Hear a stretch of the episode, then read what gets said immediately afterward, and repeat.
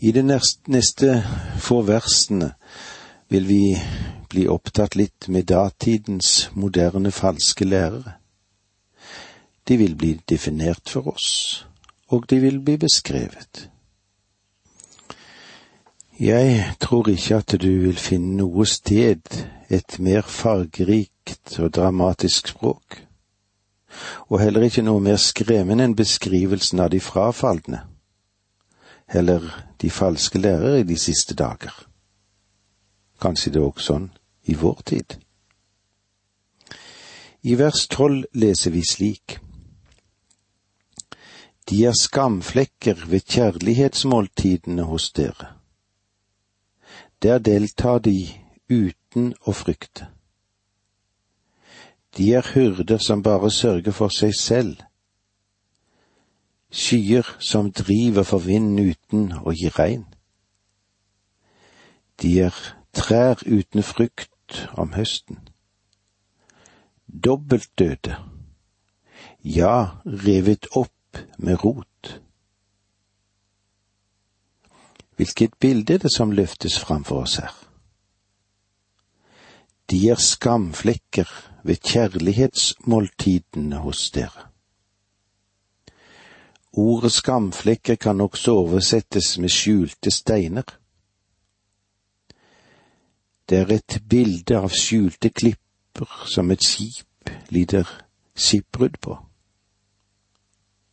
De skaper det Paulus kaller for skipbrudd skipbrudd av troen. Og Paulus nevner to menn som åpenbart støtter mot en frafall. En skjult klippe. Og deres tro, ja, hva ble den? Jo, den ble som et skipsvrak. En vranglærer. En frafallen. Han kan sammenlignes med toppen på et isfjell. Det er et meget lite av dette som er synlig. Men om et skip går på det, ja, da kan det være kritisk. Og hvor mange mennesker det er, spesielt unge mennesker, som ikke har fått dette rotfestet i sitt sinn. Men de blir ruinert ved å møte en av disse som kom inn sidedørene. Det er altså en trist skildring som vi har foran oss her. Tre ting i grunnen sies om disse menneskene. De lever for å nyte. De fòrer seg selv, og på den måten så kan de sammenlignes med dyrene. Og i tillegg til dette så driver de av sted som skyer uten noe fast holdepunkt i livet sitt. De er i drift. De er uten mål og uten mening og drives av vinden. Endelig får vi høre at de har sviktet sin oppgave. De skulle vært skyer med vann som ga jorden dogd i, så det kunne vokse opp og så det kunne gro. De skulle ha båret frukt, men de er unyttige trær. Og hva med det? Jo, da er det jo til en byrde for jorden. Skulle det være slik at det som kom frem i dette verset passer på deg, så vil jeg be deg, så innstendig som jeg kan, om å vende deg bort fra nytelsessyken, fra ditt rastløse og stressende liv, og fra ufruktbar liv. Du er satt her for å ære Guds navn, og du er satt her for å hjelpe til å vinne andre mennesker for himmelen. Og det er jo et herlig oppdrag og oppgave. En av de store sjelevinnerne, Spurgeon, han har sagt det slik. Selv om jeg levde for meg selv og ikke brydde meg om noe annet enn min egen lykke, ville jeg så sant jeg hadde hatt anledning til det, ved Guds hjelp bli en sjelevinner. For jeg kjente ikke til hva fullkommen, overstrømmende, usigelig lykke av reneste slag var, før jeg første gang hørte om en som hadde funnet frelsen ved det arbeidet som jeg sto i. Alle andre resultater i livet, ja, de er timelige. Og så er det slik med de oppgavene, de forsvinner til slutt. Men hver gang vi har anledning til å redde en sjel fra fortapelsen, flytter du inn en juvel i Jesu Kristi krone. En perle som aldri vil miste sin glans. I sannhet, det er godt å være kristen. Det er deilig å være frelst. Og det er en usigelig lykke å få lov til å føre andre til, til Frelseren. Enten det er her i vårt eget land, eller om det skulle være på et av de markene som vi får lov til å være med som misjonstjenere ifra norsk grunn. Men La oss stoppe opp litt til av det som står i dette tolvte verset. De skamflekker ved kjærlighetsmåltidene hos dere. De skamflekker ved kjærlighetsmåltidene hos dere. Kjærlighetsmåltidet var et måltid som enten kom inn som nadvær eller gikk forut for nadværmåltidet.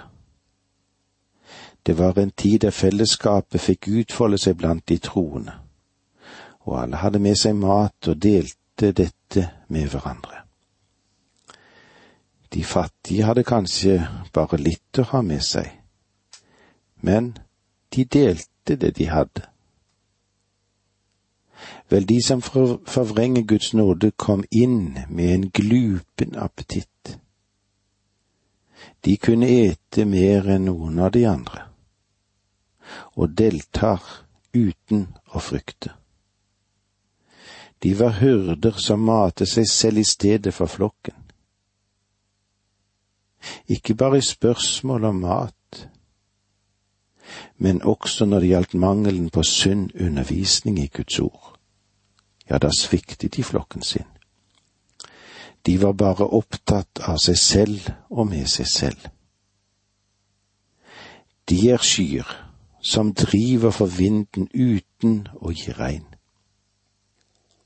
Det kan virke som de er fylt med Guds ord, men det de er, de er tomme og tørre. Det er ikke noe i veien med deres preketone eller hva det måtte være, heller ikke med det religiøse språket som de benytter seg av.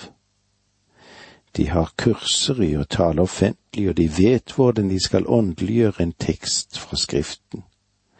Og så vil de prøve å få den til å bety noe ganske annet enn det Gud hadde tenkt og ønsket. De er som vakre skyer som driver over himmelen uten å gi jorden den forfriskning som de lengter og tørster og trenger. Videre så står det slik i vers tolv. De er trær uten frukt om høsten, dobbelt døde, ja, revet opp med rot. Da den Herre Jesus ga advarsel angående de falske lærere, så sa han, på deres frykt skal dere tjene dem. Dette står i Matteus 7, 20. Judas sier at de ikke er som velutviklet frykt. Nei, de er innskrumpet og tørre. Ja, de er dobbelt døde, ja, revet opp med rot. Kanskje den amerikanske evangelisten Moody som sa at et, om et menneske er født én gang, så må det dø to ganger. Men om det er født to ganger, vil det bare dø én gang. Vel, Judas sier at disse frafalne er åndelig døde, døde i overtredelser og synder. Og likevel prøver de å lede andre. Også disse forfalskerne sine legemer, de må dø. Men de er altså dobbelt døde.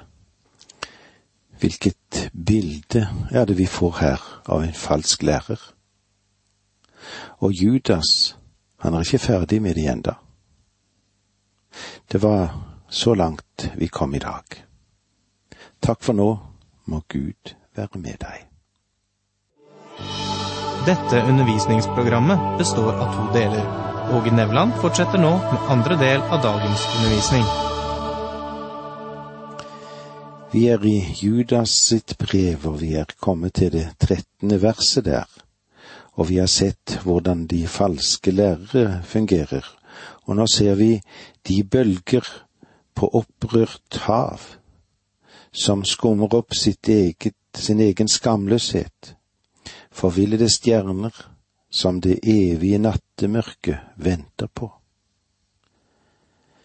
I det verset som vi hadde foran oss for litt siden, altså vers tolv, de er skamflekker ved kjærlighetsmåltidet hos dere.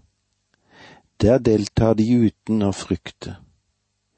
De er hyrder som bare sørger for seg selv, skyer som driver for vinden uten å gi regn. De er trær uten frukt om høsten. Dobbelt døde, ja, revet opp med rot. Det er noen veldige bilder, malende bilder fra naturen som kommer frem og blir karakterisert av Judas. Som vannløse skyer driver de av sted av vinden. Hvor mye regn kan en vannløs sky gi jorden, den som tørster etter regn? Hvor mye åndelig velsignelse kan slike mennesker gi til andre? Svaret skulle være nokså klart for begge disse tingene som vi har nevnt for hverandre absolutt ingenting. Enda mindre nytte er de i menighetene som ikke har noe å gi. Som sammenlignes med trær, nakne som om høsten er ufruktbare. Hva hjelp er de i trær som om høsten står uten både blad og frukt? Ja, tilstanden deres er kanskje enda verre. Det er som om de skulle være døde to ganger, det. Og så rukket, og, og, og så blir de dratt opp med roten. Denne dobbelte død som vi blir vitne til her, sikter vel først til den åndelige dødstilstand de befant seg i før de ble kristne. Men siden er, det, er de blitt så åndelige i sitt liv, og så glir de ut igjen og dør. De dør to ganger. Det finnes absolutt ikke spor av åndelig liv i dem. De er opprykket med rot. Livsforbindelsen med Gud er borte. Den er brutt fullstendig. Deres negative livsutfoldelse kan sammenlignes med ville havsbølger bølger på det opprørte hav.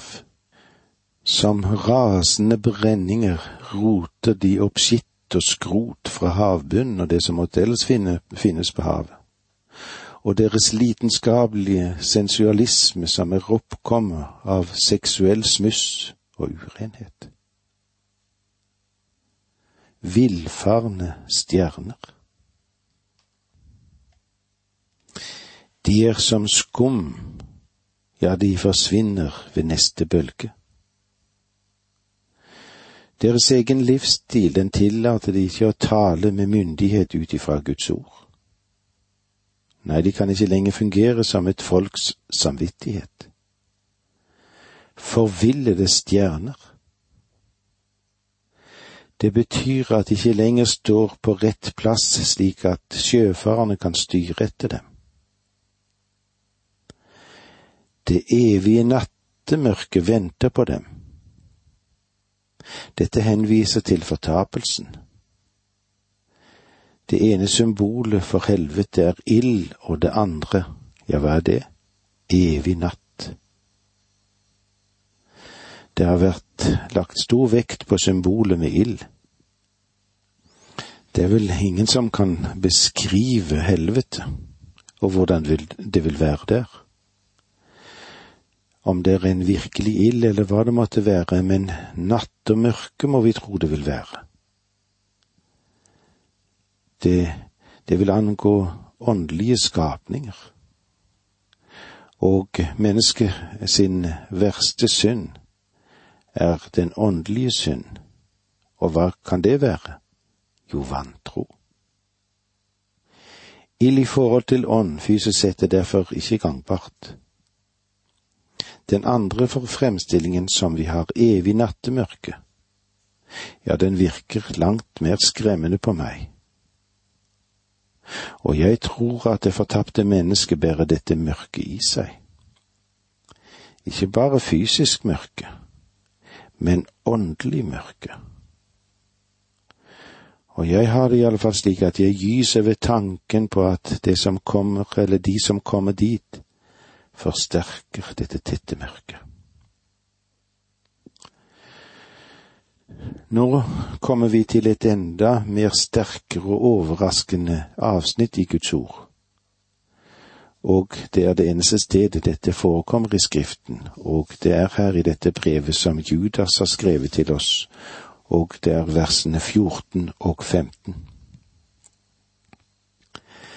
Det var også om dem at Enok, Adams etterkommende i det sjuende ledd, profeterte det han sa, Se, Herren kommer med sine hellige engler i tusentall for å holde dom over alle, og kreve alle gudløse til regnskap for alle ugudelige gjerninger de har gjort, og for alle trassige ord de har rettet mot ham, de gudløse syndere.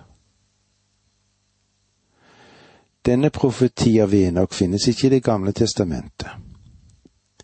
I første Mosebok fem har vi historien om Enok, men det sies ikke noe om hans profetier der.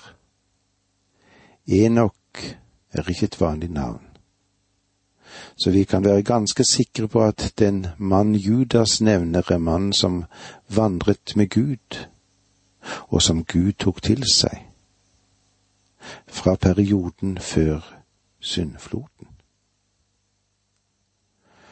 Dette sitatet er fra den apokryfiske boken om Enok. Denne boken som var kjent for kirkefedre i det andre århundret, og som var tapt i århundrer. Ja, da med unntak av noen få fragmenter ble de funnet i sin helhet i en kopi av den i den etiopiske bibel i 1773 av Brus. Innholdet består av åpenbaringer som tilskrives Enok og Noah. Hensikten er å stadfeste det guddommelige forsyn og understreke straffen som er tiltenkt syndere, og vise at verden er under Guds herskermakt. Ja, slik er det fremdeles. Enok profeterte angående de falske lærere i sin tid, i den siste tid, og det er jo bemerkelsesverdig i seg selv, dette. Herren ønsket åpenbart ikke Enoks bok i de skriftene som vi har. Ellers så ville nok Enok vært her. Jeg tror vi kan være trygge på det. Gudfryktige menn merket seg at dette var en apokryfisk bok men her er en profeti som Gud ønsket nedfelt i sitt hellige ord. Det er en profeti angående Kristi komme med sine hellige. Vi vet fra første Mosebok at Enok ble overflyttet, det vil si fjernet fra jorden uten å dø. Og en gang i fremtiden skal menigheten, som betyr de sanne troende løftes fra jorden uten å dø. Selvfølgelig er det slik at gjennom århundrer etter Kristi tid har de troende dødd. Også frem til nå har menigheten allerede passert gjennom dødens port. Og ved tiden for bortrykkelsen skal de løftes opp sammen med de som da levde i troen for å møte Herren i luften. Denne lære, den finner vi ikke i Det gamle testamentet i det hele tatt. Og likevel så er Enok en representant for de troende som vil bli delaktig i bortrykkelsen. Enok ble løftet fra jorden før dommen ved den store vannflommen når den kom.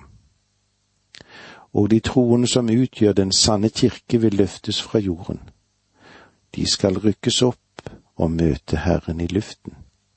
Før dommen ved den store trengselen som bryter ut over jord. Etter den store trengsel vil den Herre Jesus vende tilbake til jorden. Men ved tiden for bortrykkelsen kommer han ikke til jorden. Men de troende, de løftes opp for å være med ham. Når vi sier at bortrykkelsen er Kristi annet komme, så er vi ikke presise om vi mener at Kristus kommer til jorden ved den tiden. Nei, bortrykkelsen er en fjerning av menigheten. Deretter virker det som om den synlige kirke som ble tilbake til på jorden, og som utgjøres av mennesker som ikke er sanne troen. De vil vike av fra troen og vil gå inn i den store trengselen og ved slutten av den store trengsel vil den Herre Jesus komme til jorden, for å holde dom over alle og kreve alle, til, alle de gudløse til regnskap for alle ugudelige gjerninger de har gjort, og for alle trass jord de har rettet mot ham, de gudløse syndere. Slik Judas har profetert. Dette er et helt spesielt avsnitt i Guds ord. Og med disse ordene sier vi takk for nå, må Gud være med deg.